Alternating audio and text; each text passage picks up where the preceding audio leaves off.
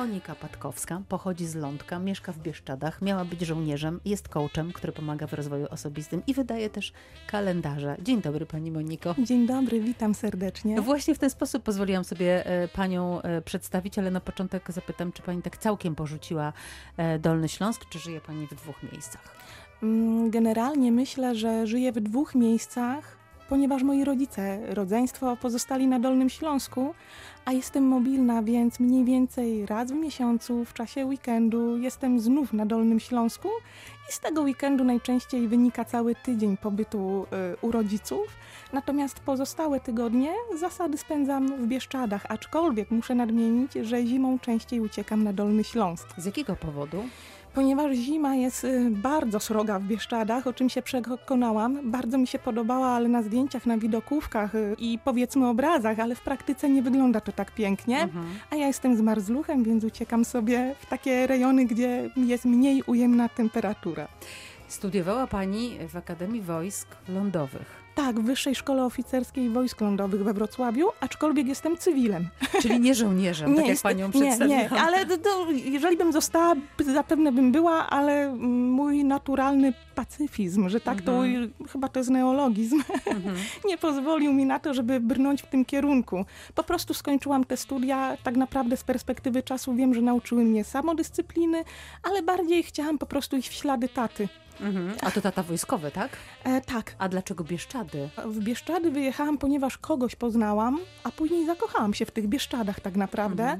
Poza tym idąc pokoleniami, moi dziadkowie od strony taty pochodzili z dawnych kresów Polski. Dziadek w dzieciństwie często opowiadał mi, jak wyglądały okolice Kołomyi, Lwowa.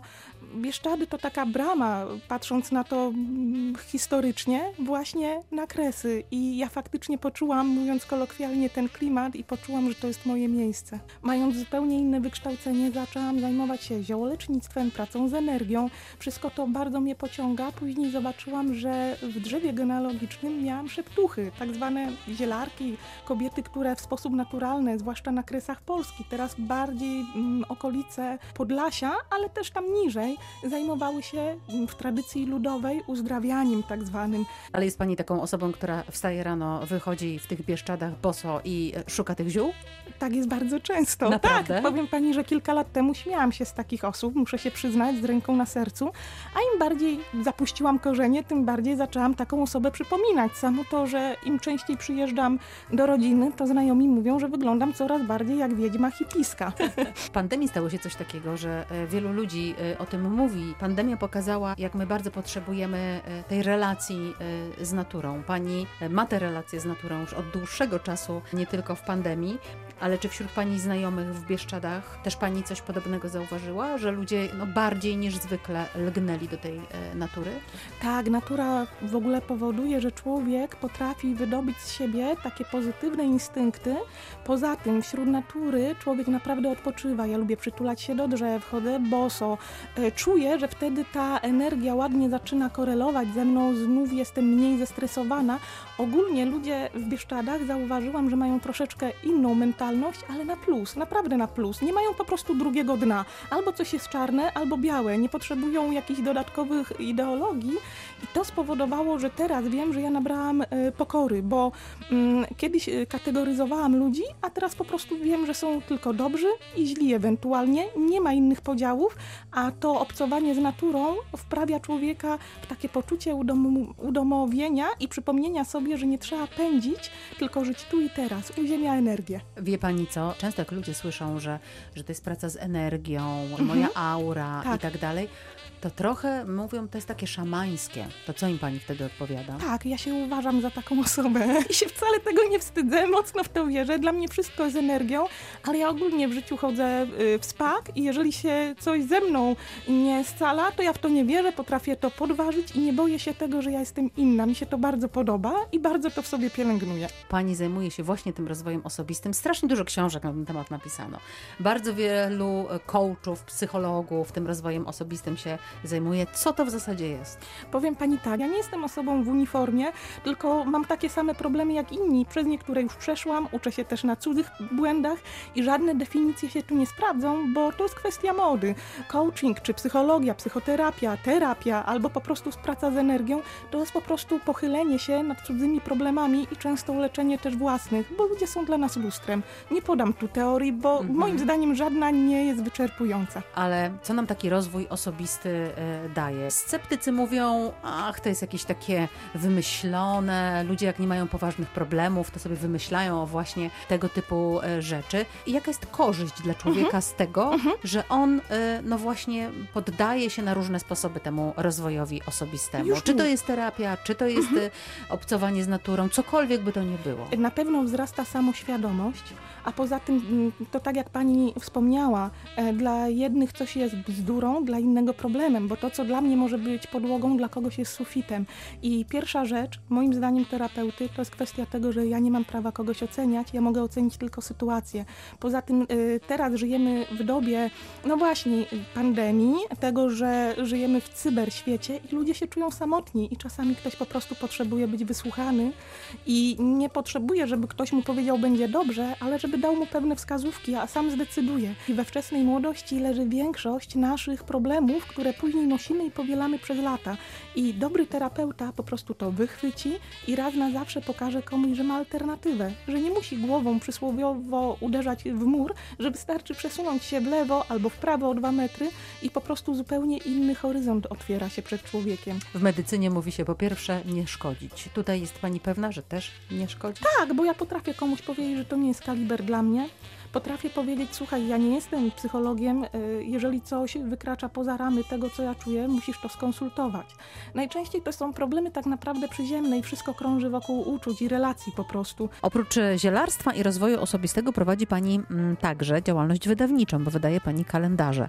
E, Dlaczego akurat kalendarze i co je odróżnia od, e, od innych? I chciałabym, żebyśmy jeszcze przez chwilę zamieniły słowo o, Pani znajomości e, z Violettą Villas, ale zacznijmy od kalendarzy. Przede wszystkim te kalendarze powstały za namową moich klientek. Najpierw ten format był taki A5, później jeszcze mniejszy, żeby schować do torebki.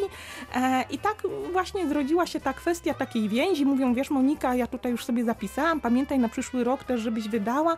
E, one są okraszone w obrazy mm, bieszczackiego artysty, takiego dość znanego Andrzeja Borowskiego.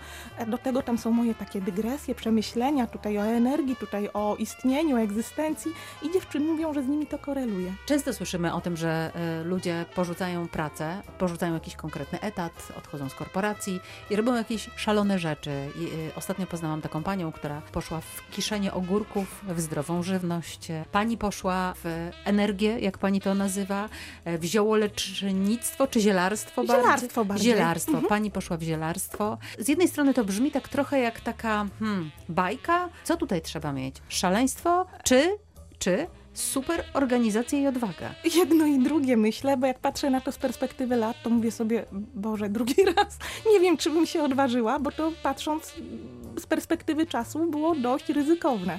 Natomiast ja to czułam całą sobą, że ja już nie chcę. Ja wcześniej pracowałam we Wrocławiu na etacie. Z dnia na dzień rzuciłam pracę, tam mniejsza o szczegóły, po prostu byłam tym wyczerpana. Jestem osobą, która nie nadaje się do pracy na etat, do 8 godzin, ponieważ ja często swoje obowiązki wypełniałam w ciągu dwóch i czekałam i patrzę się. W mhm. ciągu dwóch godzin. Tak, dokładnie. Najczęściej tak było i ktoś mi dokładał, a ja myślę, dlaczego ja nie mogę pójść do domu, Mhm. czegoś innego porobić, po prostu nie nadaje się. Ja już to wiem.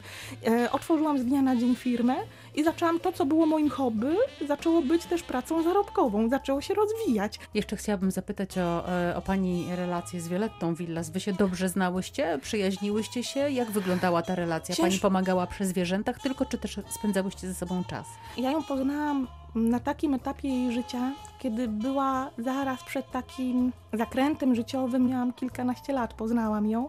To wyglądało w ten sposób, że bardzo, bardzo rodziców prosiłam, żeby mnie zabrali kiedyś na jej koncert. W dom, chyba w Domu Kultury w Kłodzku odbywał się taki koncert. Po koncercie ja się wydarłam wręcz do jej garderoby i mówię, że ja bardzo panią proszę, ja muszę mieć zdjęcie z panią. Mówi do mnie, dam ci mój numer telefonu, ja bardzo bym chciała, żebyś do mnie zadzwoniła. Do tej pory mam płytę z tym, jak mi wpisała swój numer. Mhm. Oczywiście ja już na drugi dzień do niej dzwoniła. Mhm. Umówiłyśmy się, ona miała być świadkiem na moim bierzmowaniu wtedy. Zaraz przed bierzmowaniem złamała nogę i faktycznie była w szpitalu, a później już był kontakt z nią utrudniony, natomiast wysyłałam jej paczki, starałam się pomóc, wesprzeć też robiąc jakieś zbiórki, natomiast to był trudny dla niej czas, a ja wtedy, no jakbym miała te lata, które mam teraz, inaczej bym podziałała. Wtedy byłam troszeczkę bezsilna wobec tego, ale kontakt z nią, nawet te godziny spędzone na telefonie, bardzo mocno wywarły wpływ na mój późniejszy rozwój. Monika Patkowska była moim Państwa gościem. Dziękuję. Dziękuję serdecznie.